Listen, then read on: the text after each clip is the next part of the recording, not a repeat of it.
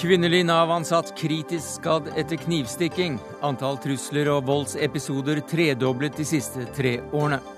Forvirrende hva Høyre mener om nullskattytere, mener SV. Ta det med ro, de rikeste skal fremdeles betale, svarer Høyre. I dag er det 200 år siden Ivar Aasen ble født. Nå vil Liv Signe Navarsete likestille nynorsk og bokmål i Grunnloven.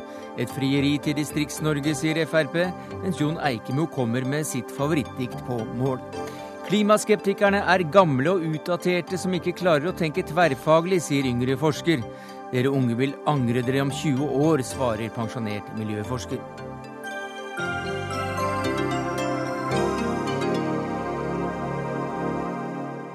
Ja, det er noen av sakene i Dagsnytt 18 denne mandagen, der vi også skal høre om mannen som ble innsatt som Irans nye president i går, og vi får besøk av artist, musiker, komiker og nå også skuespiller Bare Egil Hegerberg. Men vi starter med angrepet på den kvinnelige Nav-ansatte på Nav Grorud i Oslo. Gjerningsmannen ble pågrepet ti minutter etter hendelsen, mens kvinnen ligger på sykehus med kritiske skader etter å ha blitt stukket med kniv gjentatte ganger. Arbeids- og velferdsdirektør i Nav, Joakim Lystad. Hva kan du si om dagens angrep på din kollega? Det er det verste som kan skje på en arbeidsplass.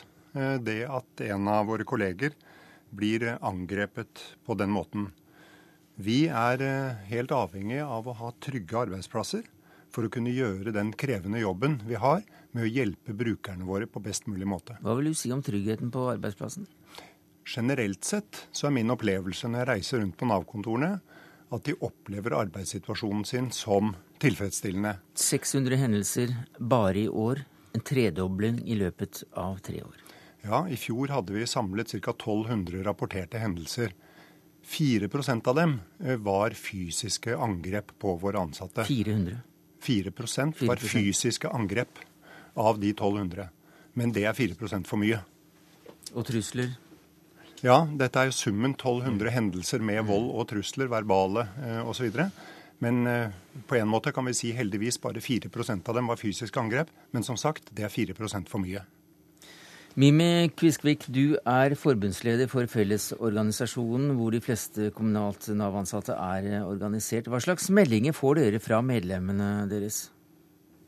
Nei, eh, Vi får jo ikke bare meldinger. Vi har jo gjort systematiske undersøkelser gjennom eh, mange år, både ved hjelp av Sentio og ved hjelp av Fafo. Og det er klart at eh, det er alvorlige tilbakemeldinger når vi sitter med at i løpet av det siste året så har 60 eh, vært utsatt for vold eller trusler om vold. 60 alltid, Ja. Mm. Man kan alltid konsentrere seg om uh, de 4 i forhold til fysiske angrep, men det er klart at uh, jevnlige trusler også over tid gir jo en uh, smertelig belastning. Hvordan synes du eh, det går med arbeidet for å gjøre arbeidsplassene tryggere? Eh, jeg syns jo det på mange måter står i, i, i stampe. Eh, og det er klart at én ting er å jobbe med fysisk sikkerhet, men man må også jobbe med å sikre at det er nok folk, at det er riktig kompetanse, at man får rom for kompetanseutvikling i form av etter- og videreutdanning, at man sikres veiledning og tid til mm. refleksjon, og at man sikrer et trygt eh, lederskap. Så Vi har jo foreslått i mange mange år at vi tror det kunne være klokt å hjemle oppfølging av vold og trusler i en forskrift knytta til arbeidsmiljøloven, sånn som de har i Sverige og hadde i Sverige fra 1993. Er det en god idé, Lista? Ja, jeg tror vi nå skal vurdere hele tiden hva som kan gjøre arbeidsplassene våre tryggere. Jeg kan ikke svare konkret akkurat på det forslaget, men det jeg kan love er at vi vil vurdere alle tiltak som kan bedre sikkerheten. Det vi har i dag, det er jo eh, tilgang på vakthold der hvor det er behov for det. Eh, vi har alarmer. Eh, vi har opplæring i konfliktsamtaler. Vi har fokus på rømningsveier. Eh, vi har øvelser, og vi har planer. Slik at vi har et system som for så vidt skal kunne ivareta dette. Men hendelsen som vi ser i dag, og som vi ser i en del av de andre, gjør jo at vi må fortsette å ha fokus på dette. Jeg tror ikke vi skal utelukke noen ting i det arbeidet. Hvilke konkrete tiltak ønsker dere, dere som fagforening? Nei, vi ønsker jo at man veldig bevisst både politisk og administrativt erkjenner at dette er et problem, og tar noen nye grep som faktisk talt kan begrense omfanget som vi ser. Fordi at det er et stort arbeidsmiljøproblem, og vi må gjøre noe nytt og noe konkret. Og det nye og konkrete har vi foreslått at det er to ting. At det utvikles en, en forskrift som legger et ytterligere press på arbeidsgiver i forhold til konkret oppfølging av dette her.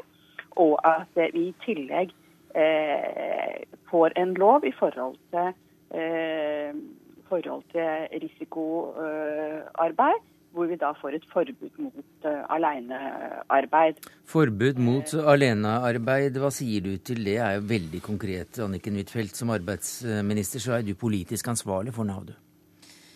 Ja, og det vi må være klar over, er jo at uh, som politikere så har vi jo stadig stilt større krav til de, ansatte i Nav. Gjennom at de skal stille strengere krav om aktivitetsplikt, at de skal oftere si nei. Slik at det kan bli flere konfliktsituasjoner enn tidligere. Og da vil vi lytte til alle råd fra Fellesorganisasjonen. Men det er klart at det som vi også ønsker fra Nav, er jo at man skal møte brukere med respekt og at det ikke skal være mange som skal høre på vanskelige historier. Slik at det at det alltid skal være to saksbehandlere som møter det, det kan gå utover veldig mange andre. Men jeg mener at vi må vurdere alle tiltak når det gjelder å skjerpe sikkerheten for de ansatte i Nav. Hva med forslaget om nye forskrifter etc.? Jo, dette med forskrift syns jeg har mye for seg. Og jeg tror det er viktig at uh, vi har en sterk dialog med Fellesorganisasjonen, for de møter jo disse konfliktene til daglig. Vi ser at det er flere som melder fra om hendelser, men samtidig så skyldes det at uh, Navs direktør Joakim Lystad har vært veldig opptatt av at man ikke skal se gjennom fingrene, at man ikke skal la ting ligge, at man skal melde fra om en eneste gang. For at vi skal lære av uh, den type trusler som ansatte i Nav altfor ofte møter så er det viktig at de som er misfornøyde med Nav, også ser denne siden av en Nav-ansatts eh, arbeidshverdag. At eh, det kan være en del ansatte i Nav som føler eh, seg utrygge på jobb. Og det at du hele tiden på den ene siden skal være imøtekommende og åpen, på den andre siden kan møte trusler på jobben, det tror jeg mm. vi alle skal ha veldig stor respekt for når det gjelder den arbeidshverdagen som Nav-ansatte er i. Hvis du hadde hørt en del konkrete forslag fra, fra, fagforeningen, det å være to stykker på jobb permanent, hva sier du til det? Jeg tror det er riktig som statsråden sier, at det også innehar noen dilemmaer i seg. I forhold til å møte en klient ansikt til ansikt? Ja, det er taushetsplikt, mm. det er ressursmengde. Vi da, vi, vil vi ha nok til på en måte å møte den neste brukeren, eller er vi opptatt to stykker med den forrige? Men, men, jeg tror i dag så skal vi verken utelukke eller på en måte klubbe noen eh, tiltak. Vi skal tvert imot eh, være åpne for å se på hva kan vi lære av dette. Det jeg føler, er jo noe av det dilemmaet vi har hele tiden, og som jeg føler våre ansatte, både de statlige og de kommunalt ansatte, står oppi. Eh, vi har f.eks. bevisst i partnerskapet mellom stat og kommune valgt å innrede alle landets Nav-kontor åpent, lyst, mm. romslig, tilgjengelig Nettopp fordi at vi også vet at det reduserer sannsynligheten for vold, aggresjon, trusler osv. Samtidig så får vi da dilemmaet at når det først skjer, så kan konsekvensen bli større. Selv om den samlede risikoen er lavere. Og Dette dilemmaet må vi daglig håndtere. Mm. Og vi må passe på at vi lærer av de, alle de hendelsene vi, vi har. En viktig og tøff jobb.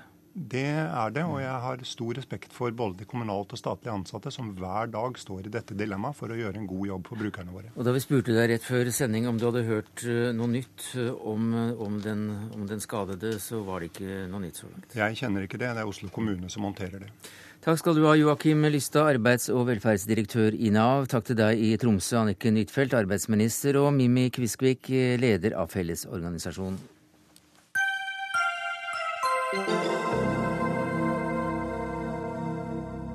For 200 år siden i dag så ble det født et guttebarn i eh, Hovdebygda i Ørsta, og resten er historie. Og for en historie som har gledet og ergret nordmenn helt siden, ja, helt siden gutten ble mann og sagt å være et geni, og faktisk fant opp nynorsken på vei mellom bygdene i Utkants-Norge, mellom kneipene i hovedstaden og Stortingets korridorer, der han hadde mange venner, denne Ivar Aasen.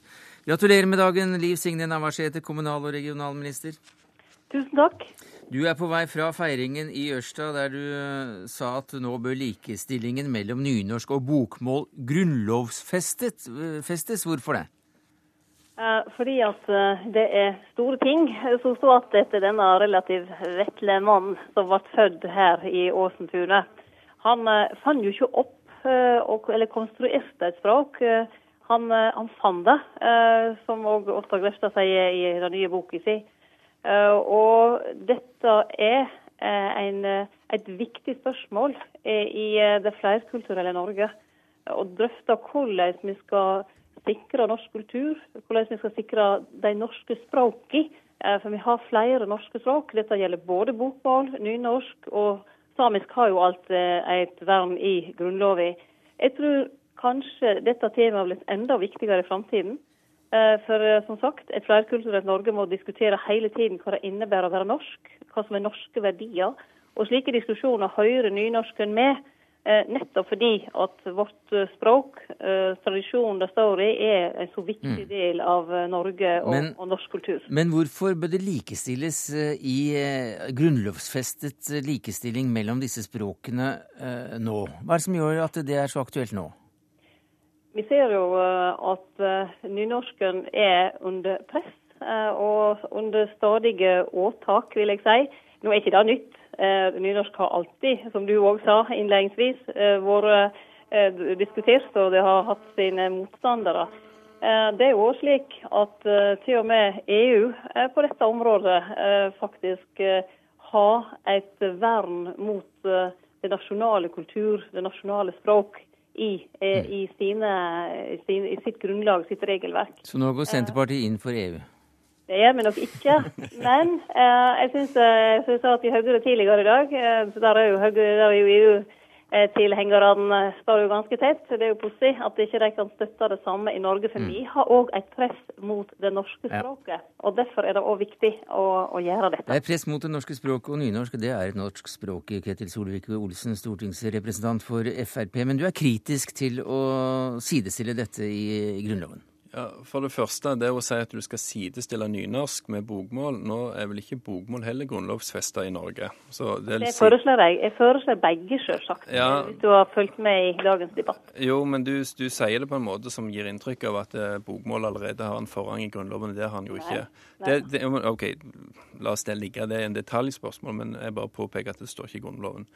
Det som er allikevel viktig, er at ja, vi skal ivareta norsk kultur. Det har Frp reist en debatt om. Da ble vi litt latterliggjort, men jeg er glad for at Senterpartiet nå ligger her på, på dette. Og Så blir det en språkdebatt eh, konkret. Og Da er det jo veldig viktig at vi ivaretar norsken. Men vi tror ikke at du gjør det ved å innføre det i Grunnloven. Hvorfor ikke? Nei, fordi at folk snakker dialekter i dette landet, og det er jeg veldig glad for. Men det å ha skriftspråk er jo ikke noe du bevarer ved at du grunnlovfester. Det er noe du bevarer ved at du bruker det. Gjør det sånn at folk snakker norsk, at du finner gode norske ord hver gang det kommer engelske uttrykk som vil inn. Det er måten du klarer å overleve dette på.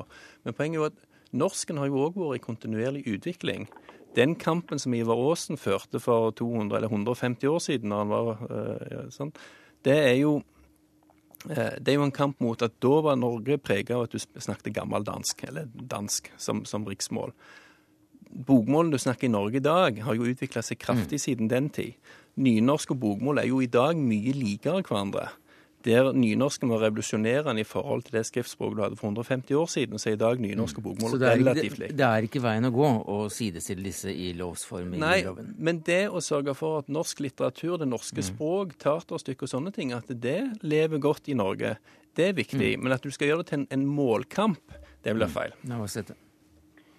Det er jo du som, eh, eller Solvik-Olsen, det er jo han som oppfatter det som en målkamp. Det vi har foreslått, og det mener vi høver godt å gjøre på en dag som i dag, det er å ta eh, den, den, norske kultur, for jeg mener at språk er en viktig del av norsk kultur, ta det inn i Grunnloven. Det er et hull i Grunnloven her, eh, for eh, Grunnloven er helt taus om statusen til norsk språk. Uh, og alt i 2004 foreslo jusprofessor Ola Mestad å grunnlovfeste statens ansvar for å sikre et vern av norsk kultur og språk. Det har samisk språk og kultur. Uh, og det er det kanskje litt paradoksalt da, at hovedkulturen ikke har ja. en uh, slik posisjon som vi mener at vi mm. har i vår globalisering. Det er et hull i lovverket, rett og slett? Sammenligning med samisk er for så vidt interessant, fordi at samisk kultur ble jo forsøkt utrydda i fornorskningsperioden. Og da syns jeg det er helt riktig at når norske myndigheter forsøkte å bli kvitt samisk, så er det greit at det står i Grunnloven at det skal vi ikke gjøre. Vi skal ha samisk kultur, språk mm. og levesett. Men du hører jo hva Navarsete sier, at nå er det jo et trøkk mot nynorsken? Altså å, jo, men, men, men, fjerne nynorsken ja, fra pensumlister etc.? Jo, ikke sant. Men poenget, hun prøver å si at dette ikke har noe med nynorsk kontra bokmål å gjøre. Men hele artikkelen som dagens debatt handler om, nemlig mm. i Bergens Tidende, handler jo om å bevare nynorsken, opprettholde tvungen sidemål, eh, tvungen nynorsk i bokmålsskoler, den type ting. Så dette er en skjult nynorsk bokmålsdebatt. Mm. Men jeg er veldig enig. Hvis, hvis, debatten her egentlig handler om hvordan skal vi bevare det norske språket, så er det en kjempeinteressant debatt. Hvis dette blir en sånn skjult greie for Senterpartiet gjennom at folk, nye bokmålselever skal ha tvungen nynorsk, og motsatt, så mener jeg det blir en, en feil mm. måte å bruke Grunnloven mm. til å ivareta den debatten det, du har oppfatta det helt riktig hvis du uh, løfter det dit du nå gjør, nemlig at dette er egentlig et spørsmål om det norske språk, den norske kultur. Uh, og For Senterpartiet og for mange, mange andre i dette landet så er, handler det om at vi har to språk. Vi har bokmål og vi har nynorsk. Og de bør jamstilles òg i, i det videre. Og det er klart det er en stor trussel mot dette når vi har mm. to store partier nå som går til valg Uh, eh, Frp som jeg vil si, vil egentlig ikke ha noen språkpolitikk, for de sier alt skal være frivillig. Uh, Høyre uh, som òg i sitt program vil svekke nynorsken betydelig. Det er klart det òg gjør spørsmålet aktuelt. Mm. Men, men, dette handler om mer enn det. Dette handler òg om den kulturarven som det norske språket er. og jeg tror faktisk at vi og Fremskrittspartiet burde kunne snakke i lag om dette. Men det har dere allerede, det har dere allerede gjort, og dere var jo enige i deler av dette her. Så takk skal du ha, Ketil Solvik-Olsen, stortingsrepresentant i Frp, og deg i Ørsta på vei hjem fra Åsentunet, Siv Live Navarsete. Du er fremdeles midt i feiringen på Åsentunet, som du også er bestyrer for. Gratulerer med dagen, Ottar Grepstad. Takk i like måte. Du er forfatter også da av årets biografi, 'Historia om Ivar Aasen'. Hva ville Aasen sagt om den debatten vi nettopp har hatt her, tror du? Aasen hadde vært et helt annet menneske hvis han hadde levd i dag, så det får vi nok aldri svaret på. Men Ivar Aasen var en forsiktig eh, strateg som ikke alltid sa offentlig det han mente. Men han visste veldig godt hva han ville, og han snudde aldri når han hadde en plan. Hva har skjedd på tunet ditt så langt eh, i dag? Nei, Det har vært barneframsyning med figuren vår Luriva, som formidler språklige til småungene. Vi har hatt en debatt eh, med alle de politiske partiene som snakker om verdien av nynorsk, og har forplikta seg i et mineøyre i minst 100 år for å arbeide for videre fremming av nynorsk i tillegg til bokmål. Og Det er formuleringer og utsegner som vi skal ta godt vare på og bruke i debattene senere. Og som vi hører, så trengs det. Du, Ville Ivar Aasen ha holdt noen takketale på denne dagen, tror du? Han hadde gjemt seg vekk. Eh, lengst mulig unna hver eneste mikrofon. Han eh, holdt aldri noen offentlig tale. Han takka nei til invitasjoner fordi han visste at han hadde en klar mistanke om at da måtte han takke når han ble tilsnakka og heidra, som han jo mange ville gjøre. Han var veldig sjenert på egne vegne, og så var han aldri i tvil om hva han ville oppnå, og var merkelig sjølsikker i arbeidet sitt. Jon Eikemo, skuespiller, da får vi eh, hedre ham på vår måte. Da, hva mener du vi bør takke Aasen for? Fordi at han uh, tok fatt i det som de fleste land som har mist selvstendet sitt. Det første de har tatt tilbake igjen, det er målet. Aha. Men uh, det klarte ikke vi å gjøre på en, en, en, en finslig måte. Det er blitt en krig mellom Altså, Én sitter på en møkhaug en plass og kaster skit på de som snakker riksmål, bortsett fra at riksmål er et dårlig navn. Riksmål er noe som snakkes over hele riket. Bokmål er noe som en leser i alle bøker. Nynorsk kunne gå til et landsmål, mm. for min del. Nei, eh, jeg takker han fordi at, eh, at han har, eh, tok seg tid til å, å, reise rundt og finne gode ord. Ord mm. som, eh, som, forteller oss noe. Det er Et veldig enkelt eksempel på ordet geni. Det sier meg ingenting hvis ikke jeg hadde visst at jeg var der. Du... Hvis ikke jeg hadde visst hva det betyr. Men ordet flågvet for eksempel. Det gir jo et eller annet. Et ord skal jo fortelle noe. Ja. Så det syns jeg eh, Så flågvet, bør vi si. Flågvet, ja. Det, er, det, det med ord, det er jo, det er jo bare det, det, det, det er bare når en venner seg til. Altså, når jeg var ung, og skulle, hvis jeg nå skulle si at eh, jeg elsker deg, da var det var mye finere si I love you. ja. Men i dag så syns jeg det har vel så god virkning hvis jeg sier jeg elsker deg. Men hva er det med denne nynorsken som gjør at øhm, det er så stor begeistring for det blant kunstnere, blant skuespillere, blant øh, forfattere og lyrikere? Mye av det er det iallfall jeg får snakke for deg og dere meg sjøl, som er skuespillerarbeid. Men, men det, er, det er jo det at det er et, eh, det er et saftig mål. Og eh, mange eh, altså bokmålsbrukere eh, de sier jo det at å, å synge på nynorsk, det er mye bedre. Du har disse diftongene med å drøyme og gløyme, drømme og glemme. Det blir liksom eh, Jeg håper jeg ikke Så jeg, sy- jeg syns det er veldig sørgelig. Jeg er stor tilhenger av de som evner å å være konservative, men nå må en vite hva en konserverer. Det var akkurat som 68-erne sprang ut og sa at 'jeg er en radikaler'. Det er kun framtida som kan vise oss hva som er radikalt tenkt. Men du, framtida, vi går litt tilbake i tid. For øh, hvordan, hvordan ble det oppfattet f.eks. på en teaterhøgskole da du kom inn der og, og snakket mål, dialekt? det var jo grusomt. Det var det. Ja. du sa du, skal ikke du bli skuespiller, du? Hva, hva du heter du? Eikenes? Eikemo. Å ja, Eikemo, ja. Ja visst, ja. ja. Men du, du må jo lære deg å snakke. Du kan ikke stå For jeg, snakker jo eh, mitt morsmål, som er en striledialekt. Uh, og jeg, du ble, ble veldig eh, veldig sjenert av det, så jeg deltok lite i i, i, i samtaler på skolen. Jeg prøvde å gjemme meg vekk så godt jeg kunne. Gjorde som Åsen. Åsen. Og gjemte deg bort. Ja. Men uh, siden jeg da du blitt vår mest folkekjære, og nettopp, ikke minst da takket være det nynorske språket og dine tolkninger av nynorske tekster, hva har det betydd for deg og din øh, skuespillerkarriere? Det har betydd at du, du Jeg kommer nærmere puppene til mor mi. Altså nyansene i målet. Det får du ifra du er bitte liten og ligger der og, skriker opp. Du kan ikke si at det vil ha melk eller noe sånt, men en forstår liksom ut ifra disse lydene. Og de lydene må en ta vare på hvis en skal eh, Hvis ikke en replikk skal bli veldig eh, stiv og og, eh, og like like lite leken.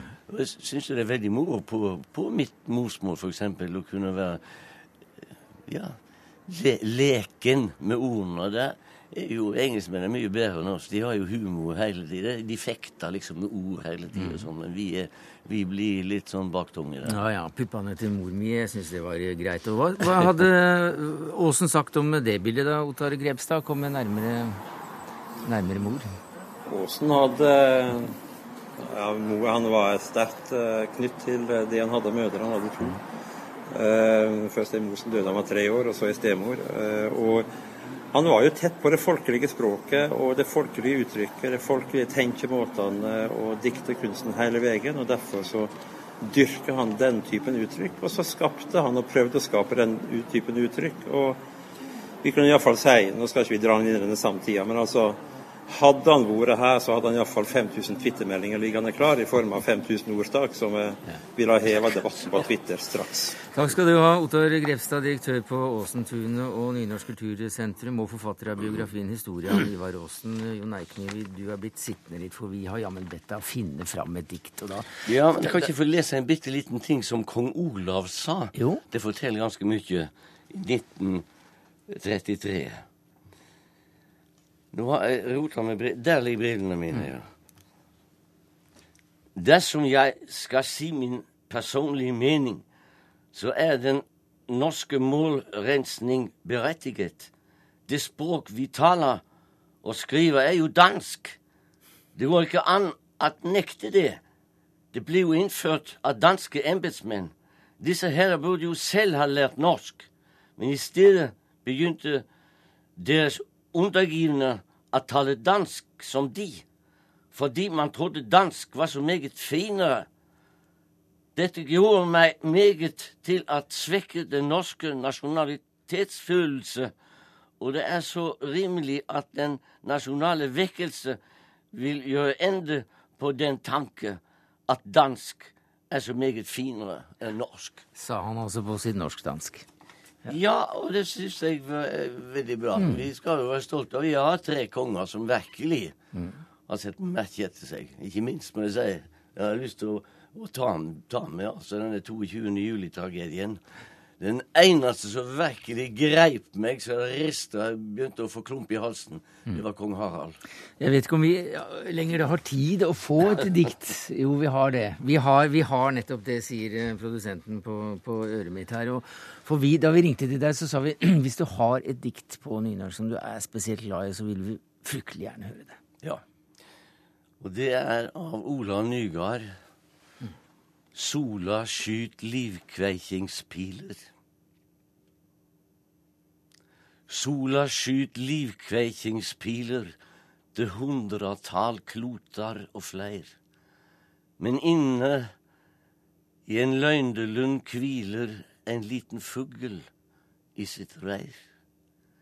Nedover dagtyste lunder bær sola sin gulstråleflaum men innunder lauvtekkja blundar den vesle fuglen i draum.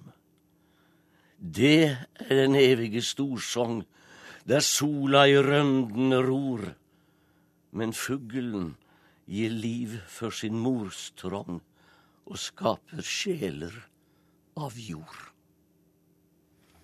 Jon Eikemo, tusen takk for at du kom.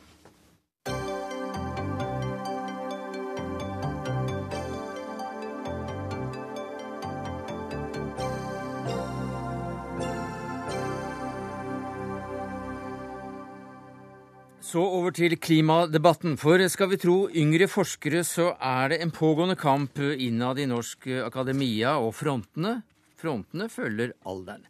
Det er de gamle mot de unge, klimaskeptikere mot troende. Og det er dere som da er, er, yngre, som vil vinne, for det skrev du i Morgenbladet, klimaforsker Bjørn Samset ved Cicero. På hvilken måte er dette en generasjonskamp?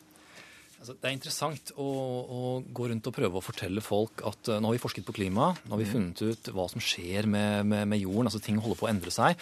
Og jeg beklager å si det, men dette er nødt til å få konsekvenser for levesettet vårt. Da, da, da, rygger folk tilbake, for det er ingen som vil at det skal være sånn. Det vil ikke jeg personlig heller, men det er ikke til å komme, til å komme unna. Og så kommer liksom motargumentene. Ja, men er det ikke sånn? Er det ikke sånn? Vi, vi kan jo ikke forutsi været i to dager forover engang. Hvordan kan du si det lenge? Altså Alle disse klassiske motargumentene som vi har svar på. Og når det er slutt på dem, så kommer alltid den samme tingen. Men, men det er nå mange professorer som mener noe annet enn deg også, da. Ja, det er det jo. Det er det. Og den, den er litt vanskelig å, å, kontre. Hva skal man si til det? Og da satt, altså Det er meg og, og Henrik Svendsen, som er geolog. Jeg er opprinnelig fysiker, han er opprinnelig geolog. Vi har begge beveget oss inn mot klimafeltet fra liksom, sideliggende fagfelt. Vi satte oss ned og tenkte gjennom dette her. Hvem er disse professorene? Hvor har vi møtt dem, disse akademikerne som da gjennomgående er skeptiske til klimasaken? Og det vi finner ut, er at det er våre gamle kolleger fra fysisk, fra geologi, og også fra kjemi, fra matematikk, fra statistikk, fra meteorologi. Altså alle de tilgrensende feltene.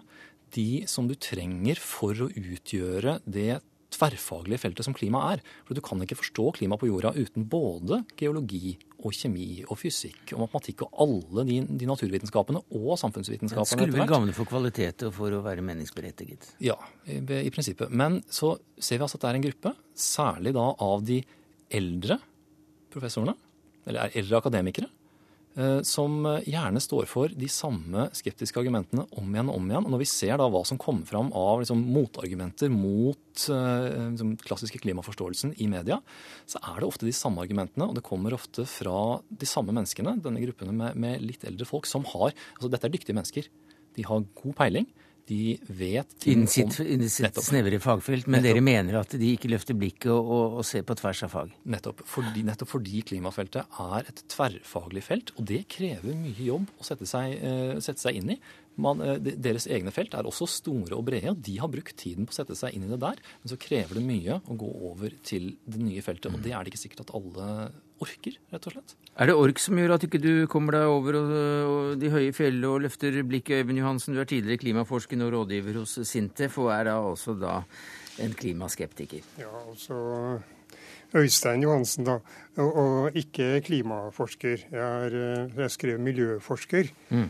Og klimaforsker det er jeg ikke i den forstand, jeg, men jeg er interessert og jeg følger mye med og sette meg inn i, har satt meg ja. inn i dette. Hva, hva, syns, hva, syns, du om karakteristikken av, av eh, deg og, og, folk som tenker omtrent det samme rundt eh, klimaendringer som Nei, det, jeg tror ikke det er basert på noe særlig grundig forskning. Det er kanskje det som kalles for dybdeintervjuer, som jeg ikke er noe særlig tilhenger av innenfor forskningen. Så jeg det skal ikke spøke det bort, men uh, men jeg, eh, jeg, har ikke noe forståelse for det der. Men det er vel et generasjonsspørsmål dette her, er det ikke? Det kan hende, det er jeg ikke så sikker på. Jeg, er ikke så sikker på det. Jeg tror du finner eh, med mange i ulike generasjoner. Men poenget er nok det at uh, kanskje det er et poeng at, at de eldre som de, som de, snakker om her, at de faktisk har mindre å frykte ved å være eh, åpent kritisk enn de unge forskerne som eh, skal etablere seg og få stipender og alt dette her. For dere har allerede en karriere bak dere, så dere kan, dere kan, også da snakke rett fra levra uten å ta hensyn til en framtidig karriere? Ja, det kan mm. godt hende. Sånn er det jo i andre sammenhenger også. Hva sier du til det, det Samset? Jeg skal love at altså, jeg, Konkurrerende teori, i hvert fall. Jeg er en ganske høflig person på det vanlige, men når det kommer til det akademiske, så er jeg dønn respektløs.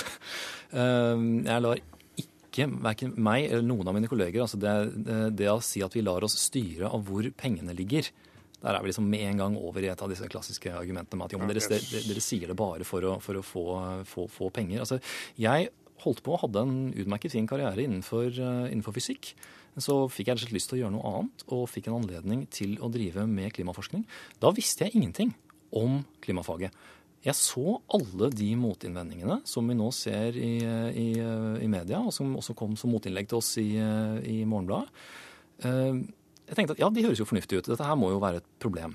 Men så fikk jeg da den anledningen til å bruke både ett og to år gjerne til å sitte og lære meg opp på et nytt felt. Mm. Så ser jeg at ja, men her har vi motargumentet. Sånn henger det opp. Og det, det vil si at denne, altså Den akademiske klimaskepsisen, som vi, som vi kaller det, den er ikke uten funksjon. Akademikere er trent opp til å være skeptiske. Det er deres, det er vår rolle. Og liksom disse sidefeltene altså når... ja, Så nå er det jo den eldre generasjonen som det er skeptiske til, til mm. en og Det er jo helt utmerket, fordi at eh, når, når, et felt kommer med en hypotese, som klimafeltet Og de tør å være det, for de har mm. ikke noe å tape lenger. Nei, og det er, eh, Ja, det er nå så, men de, eh, de kommer med motargumentene, og det er flott, for de trenger vi. Men spørsmålet er hva som skjer da. Mange de får da, mot, mm. får da, svaret og sier ja, ok, ja, men det, det, er greit, da har jeg fått svaret på det. Det er helt i orden. Problemet kommer når de samme argumentene kommer om igjen og om igjen og om igjen fra de samme menneskene. Og Det er der vi ser noen gjen, gjen, gjengangere. Øystein Johansen, du skriver som svar til eh, disse to eh, unge i Morgenbladet at Bjørn Samset og hans klimatroende kollegaer kommer til å angre seg om 20-30 år. Hvorfor ja, det? Det, det, har jeg flere med meg, helt sikkert. Eh, ja. Det er Altså den, den påståeligheten og denne, denne Altså den øh, vil kunne straffe seg på en måte da, ikke sant, når det kommer om 20-30 år. Og det viser seg det er, mange, det er flere enn meg som tror, kan tenke den tanken. Øh, at det ikke er slår til, og at det de har kjempet for i alle disse årene, ikke, ikke har øh, vist seg å ha, ha, ha, et godt grunnlag. da. Det er det jeg mener med det, enkelt og greit. Og det Hva sier du til det om at dere kommer nå til å angre? Dette er det eneste. Det er jo en spådom som jeg dessverre aldri, sannsynligvis ikke får uh, se gå i oppfyllelse. Men sam, Samset kan si noe om det. det et, eh, men altså, det var et lite poeng på slutten mm. der, da. Altså, Øystein Johansen har veldig, et veldig greit innlegg som er veldig fint å svare på. Kommer med mange fornuftige motinnvendinger som vi kommer til å svare på i Morgenbladet nå på, nå på fredag. Så mm. langt så var det helt fint. Men det eneste stedet jeg ble litt trist, det var faktisk på det argumentet om at vi kommer til å angre om noen år. Men hva, hva, slags holdninger er det de tror vi har? Vi, vi ønsker jo ikke at verden skal endre seg til det verre. Men vi sitter her som akademikere og ser en sammensetning av kunnskap og fag som vi ikke klarer å overse. Vi er nødt til å si fra. Nei, vi kommer ikke til å angre. Men Bjørn Samset, det, det, det, dere sier et øyeblikk, jeg må nesten avbryte deg, eh, Johansen. For i artikkelen eller essayet til, til Bjørn Samset i Morgenbladet, så, så trekker dere fram noen sammenligninger. Altså paradigmeskifter tidligere, f.eks. da dette at kontinentene beveger seg på flytende Flyter mot hverandre, krasjer. Ja, og de mm. krasjer, og slik blir det eh, nye, mm. nye ting. Og dette var ny viten på 50- og 60-tallet som ikke alle godtok. Mm. Eh, så hva skjedde da med de som ikke trodde på denne teorien? De, eh, de, holdt ut, som regel, helt til de, helt til de gikk av med pensjon. Altså de, de, de, hevdet det omtrent til det siste, og dette skjer mange ganger gjennom historien. Altså jeg vet at det er en del vitenskapsteoretisk debatt om hva kan man kalle et paradigmeskifte. Det er klart det var, det var forsøk, forsøk, på å trekke debatten opp til et ord folk, folk kjenner igjen. Men at det er en skifte av holdning fra dette med at atmosfæren og jorda er uforanderlig, vi er mm. bare små mennesker, vi kan ikke gjøre noe med den, mm. til at oi, her har vi gjort mye. Og det, ting skjer fortere enn det noen gang har skjedd før, i hvert fall i menneskets historie. Dette er vi nødt til å reagere på. Det er en skifte av holdning som godt kan sammenlignes med en type paradigme. Så dette som nå skjer med at, at klimaet delvis er menneskeskapt, det er like sikkert ikke bare som banken, men som at kontinentene flyter på, på mamma og er, og ja. krasjer. Det er det i dag. Akkurat som med kontinentene. Vi kan ikke beskrive nøyaktig mm. hvordan de beveger seg, men at det skjer, ja. Og da står jo deg, du og dine på, på sidelinja og ser toget gå der. Ja, det var det som var uh, ute poenget i artikkelen til Bjørn Samset og mm. Henrik Svendsen. Og det var det en av de tingene jeg ønsket å reagere på med å skrive et innlegg, da. Og jeg kan nevne at jeg meg, har en artikkel foran meg fra Energy and Environment som heter 'Paradigms in Climate Research'. Den er fra 2010, og den har det motsatte ståstedet for å hevde et paradigmeskifte. Så når, det, når, du ser sånne ting, så skjønner du at et paradigmeskifte, den, den, det begrepet, det er et rent demagogisk begrep. Det kan brukes av begge sider i en diskusjon. Mm. Og det er, det er, det er nok eh, fare for at det også brukes i, av begge sider i uh, denne debatten. Men takk skal dere ha, som har snakket sammen over generasjonskløften. Øystein Johansen, rådgiver hos Sintef. Bjørn Samset, klimaforsker hos Cicero.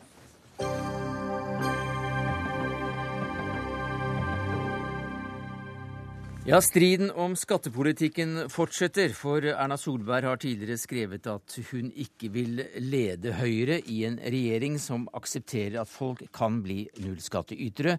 Men denne garantien, ja, den er tomme ord, mener du, Audun Lysbakken, leder i SV. Hva begrunner du det med? Ja, nå Ved inngangen til sluttspurten av valgkampen er det jo total forvirring om hva Høyre egentlig mener om eh, nullskattyter og formuesskatt. Ja. Vi har altså eh, først fått denne boken til Erna Solberg, der hun skrev at uh, Høyre aldri ville bli med i en regjering som aksepterer at folk kan bli nullskattytere. I kjølvannet av det så prøvde vi jo å, å presse Høyre til å avklare hvordan det å fjerne formuesskatten gikk i hop med det løftet. Så kom Høyre altså med en ny modell for formuesskatten. Mm. Eh, der de skulle gjøre noen endringer som skulle bøte på dette. Og Beregningene viser at også med den modellen blir det 27 000 nye nullskattytere. En eh, del av de vil være folk med solid økonomi. Og Så kom det da en ny melding fra Erna Solberg i går som sier at dette ikke lenger er et løfte, men en ambisjon. Eh, og vi står igjen med en eh, hel del spørsmål. Mm. Kommer det et nytt forslag fra Høyre? Er det sånn at ambisjoner ikke er til for å gjennomføres? Eller burde man kanskje tenke seg om en gang til? Hva sier du til det, Svein Flåtten, næringspolitisk talsmann i Høyre? Til det sier jeg at jeg tror det er stort sett bare SV som er forvirret i denne saken. Vi mm. mener det som vi hele tiden har ment, nemlig at de aller rikeste de skal ikke kunne bli nullskattytere, de skal betale skatt. Og de som har skatteevne, skal betale skatt. Og vi står også fast på den modellen vi har skissert, nemlig at eh, vi skal ha et bunnfradrag på 20-25 mm. millioner kroner. I tillegg skal formuesskatten halveres. Men vil Høyre i en regjering som aksepterer at folk kan bli nullskattytere? Nei, men det blir ingen nullskattytere hvis altså de som har skatteevne, mm. og de aller rikeste, de skal betale skatt. Det som er viktig ved vår modell, og den har vært den samme hele tiden, det er at 650 000 mennesker som enten har spart et langt liv i hus, bolig, hytte, hva det måtte være, eller småbedrifter, mellomstore bedrifter, som mm. har verdiene sine i aktiva i bedriften, kanskje ikke tjener penger på den, de skal ikke betale formuesskatt, for det skader verdiskapingen i mm. Norge. Og vi har jo en mm. særegen formuesskatt som er for nordmenn, ikke for utlendinger. Var det oppklarende? Altså, det er jo oppklarende i den forstand at Høyre sin garanti om at det ikke skal bli nye nullskattytere, ikke lenger gjelder. Eh, fordi blant disse 27 eh, 000 så vil det jo finnes en god del f.eks. næringsdrivende som eh, kommer i en nullskatteposisjon gjennom ulike fradrag osv., men som i realiteten har god økonomi. Formuesskatten den er i dag med på å sikre at uh, vår velferdsstat kan drives etter et enkelt og godt prinsipp, at vi skatter etter evne. Når uh, Høyre vil bygge ned formuesskatten kraftig, så vil de oppnå to ting. For det første så er det ikke alle lenger som vil skatte etter evne. Og for det mm. andre så vil forskjellene øke betydelig. Mm. Men de nullskattyterne som uh, Audun Lysbakken nå har funnet, det er, og det skriver Finansdepartementet selv, det er stort sett minstepensjonister i spesielle situasjoner. Og så er det rundt 500 næringsdrivende som antagelig er i den situasjonen at de har store fradrag. Og hvorfor har de store fradrag? Jo, de har tapt penger. Enten fordi at de er gründere som har fått inn en stor kapital. De har foreløpig ikke begynt å tjene penger, må betale skatt av en papirformue. Eller mm de er næringsdrivende på vei utfor stupet som prøver å Redde. ta vare på mm. arbeidsplassene. Er ikke det greit, da? Altså, vi tror at det i disse tallene vil skjule seg et betydelig antall mennesker som er i en posisjon der de absolutt bør betale skatt. Eh, så eh, er det eh, jo sånn at vi har lagt om formuesskatten i vår tid i regjering, sånn at langt færre betaler formuesskatt. De som har små formuer, betaler mindre enn før. En sånn omlegging er jeg gjerne med på. Men å lage et system der både en del som burde bidra til fellesskapet, overhodet ikke skal gjøre det, der vi tapper felleskassen for 12 milliarder kroner som ellers kunne gått til skole og helse, og der vi i tillegg vil drastisk øke forskjellene. Det som E24 beregnet tidligere i år, var altså at resultatet av Høyres modell vil være at eh, de 32 milliardærene i Norge får eh, minst 461 millioner kroner i skattelette. Men nå snakker vi, prøver å holde det til eh, Men det er jo en meningsløs bruk av penger. Og det er en fordelingspolitikk som står stikk i strid med det Høyre jo også har lagt vekt på de siste årene, nemlig at de nå skulle omskape seg sjøl til et parti som var opptatt av små forskjeller. Men nå snakker Audun Lysbakken om fordelingspolitikk, han snakker ikke om verdiskaping. Tidligere var han inne på at velferdsstaten er viktig. Ja, da er også verdiskaping viktig. Og når han sier nå nettopp at det skjuler seg en masse mennesker bak disse tallene Nei, de gjør ikke det, Lysbakken. For det har Finansdepartementet sagt, at her skjuler det seg en rekke minstepensjonister, kanskje noen få hundre næringsdrivende, hvor butikken går så vidt dårlig at ikke de har noen skatteevne. Da må det være bedre å ta vare på arbeidsplassene. Mm. Altså, det er altså uh, minst 4000 av disse som ikke uh, befinner seg i den gruppen. Det interessante med dette det er jo eh, ikke bare den konkrete saken, men også hvordan Høyre forholder seg til sine løfter. Fordi eh, vi opplever jo for første gang at et parti prøver å mumle seg til eh, regjeringsmakt i Norge. Hver gang vi prøver å tvinge fram konkrete svar på hva som egentlig er Høyre sin politikk, så får vi høre at det nærmest er et overgrep å kritisere eller utfordre Høyre. Men når det til slutt kommer konkrete svar, så viser det seg jo at eh, politikken ikke er den samme som man har sagt. Man har sagt at her blir ingen nullskattytere, og så blir det det likevel. Og Jeg tror det er tilfellet på mange andre områder også, så jeg håper at dette er begynnelsen på at Høyre faktisk vil snakke klart om hva de vil. Ja, Nå har jeg snakket meget klart om dette, og jeg har ikke fått noe tilbakemelding fra Lysbakken om at ikke dette har vært klart. Vi står ved den modellen vi hadde. De aller rikeste kommer fortsatt til å betale mye skatt, men vi skal ikke ha skatt på privat sparing, på privat verdiskaping, på små og mellomstore bedrifter. Det har vi ikke på utenlandske bedrifter mm. i Norge. Det styrker verdiskapingen, Lysbakken, og det styrker også velferdssamfunnet. I stedet for å fordele pengene, mm. så vil Høyre stimulere til å skape verdier som kan styrke velferdssamfunnet. Dette har du fått sagt noen ganger, sånn at vi tror vi slutter den eh, debatten om nullskattepolitikken her. Svein Flåtten, næringspolitisk talsmann i Høyre, takk skal du ha. Audun Lysbakken, leder i SV, takk skal du ha. Hør Dagsnytt 18 når du vil, på nettradio eller som podkast nrk.no dagsnytt 18.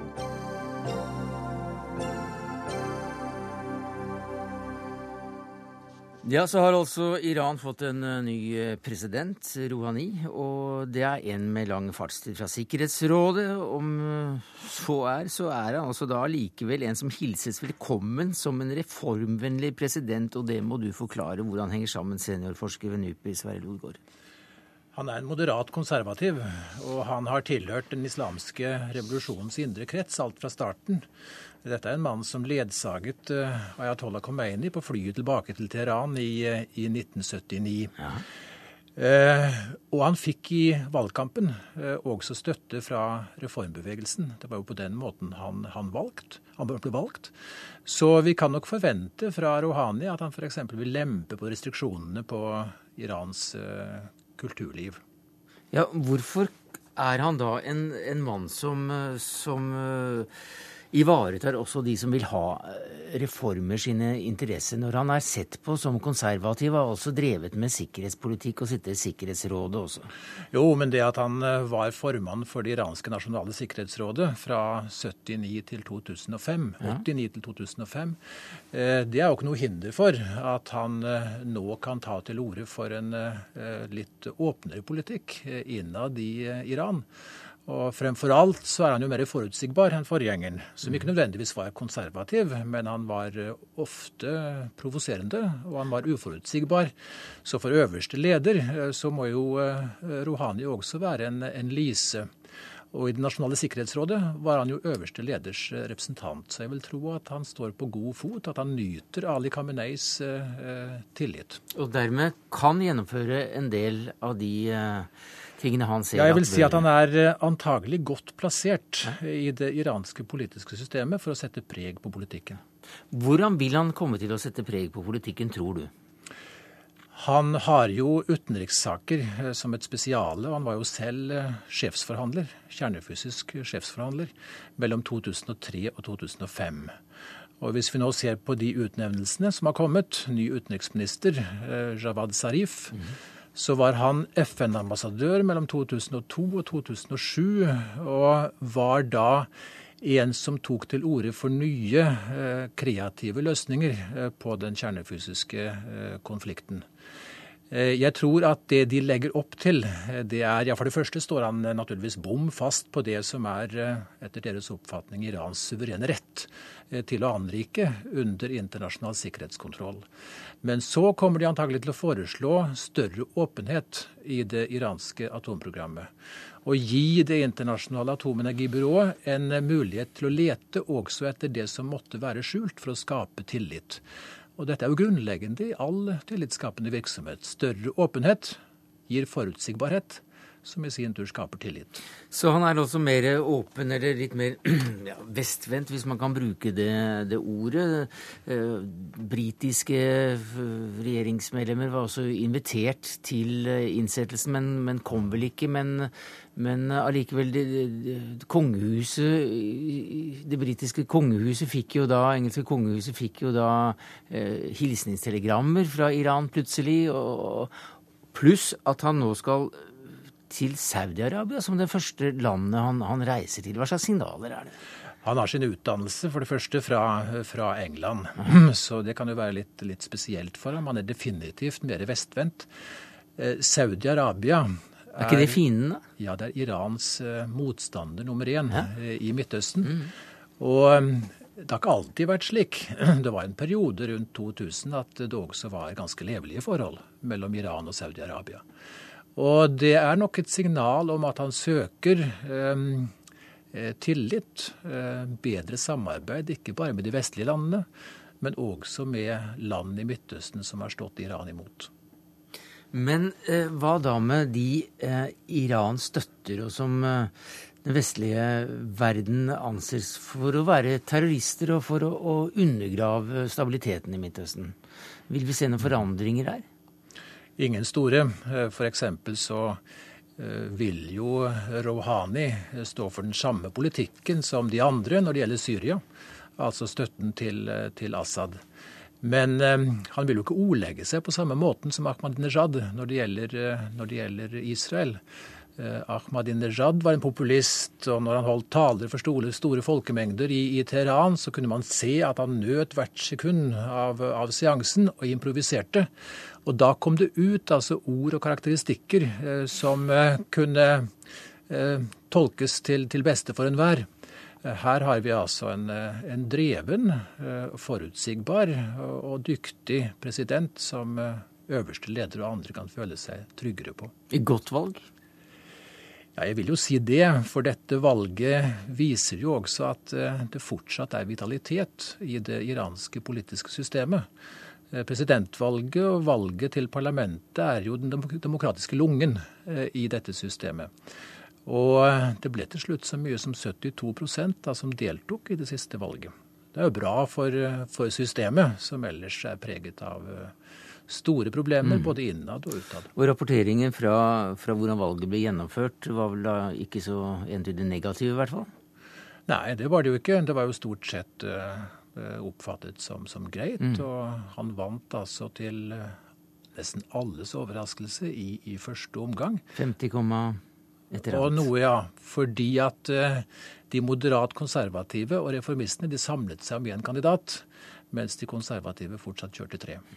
Men så da til slutt, har denne mannen noe særlig stor gjennomslagskraft gitt det politiske systemet i Iran? For det er jo ikke, er ikke en valgbar eh, person eller organisasjon eller instans som, som, har det siste ordet her.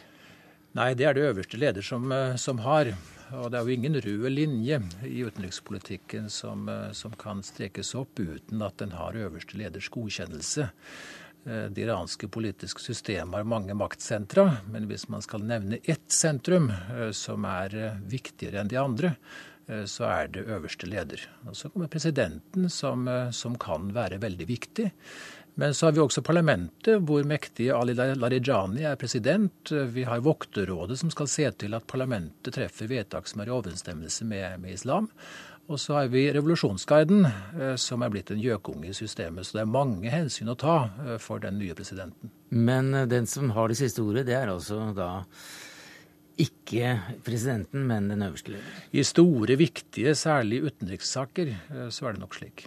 Men eh, er verden blitt et tryggere sted eh, å være, Loddgaard, eh, for de som anser Iran som et farlig land? Nei, ikke foreløpig, men det gis visse nye muligheter med, med denne presidenten for å, for å, nå nye løsninger. Takk skal du ha, Sverre Loddgaard, seniorforsker ved NUPI.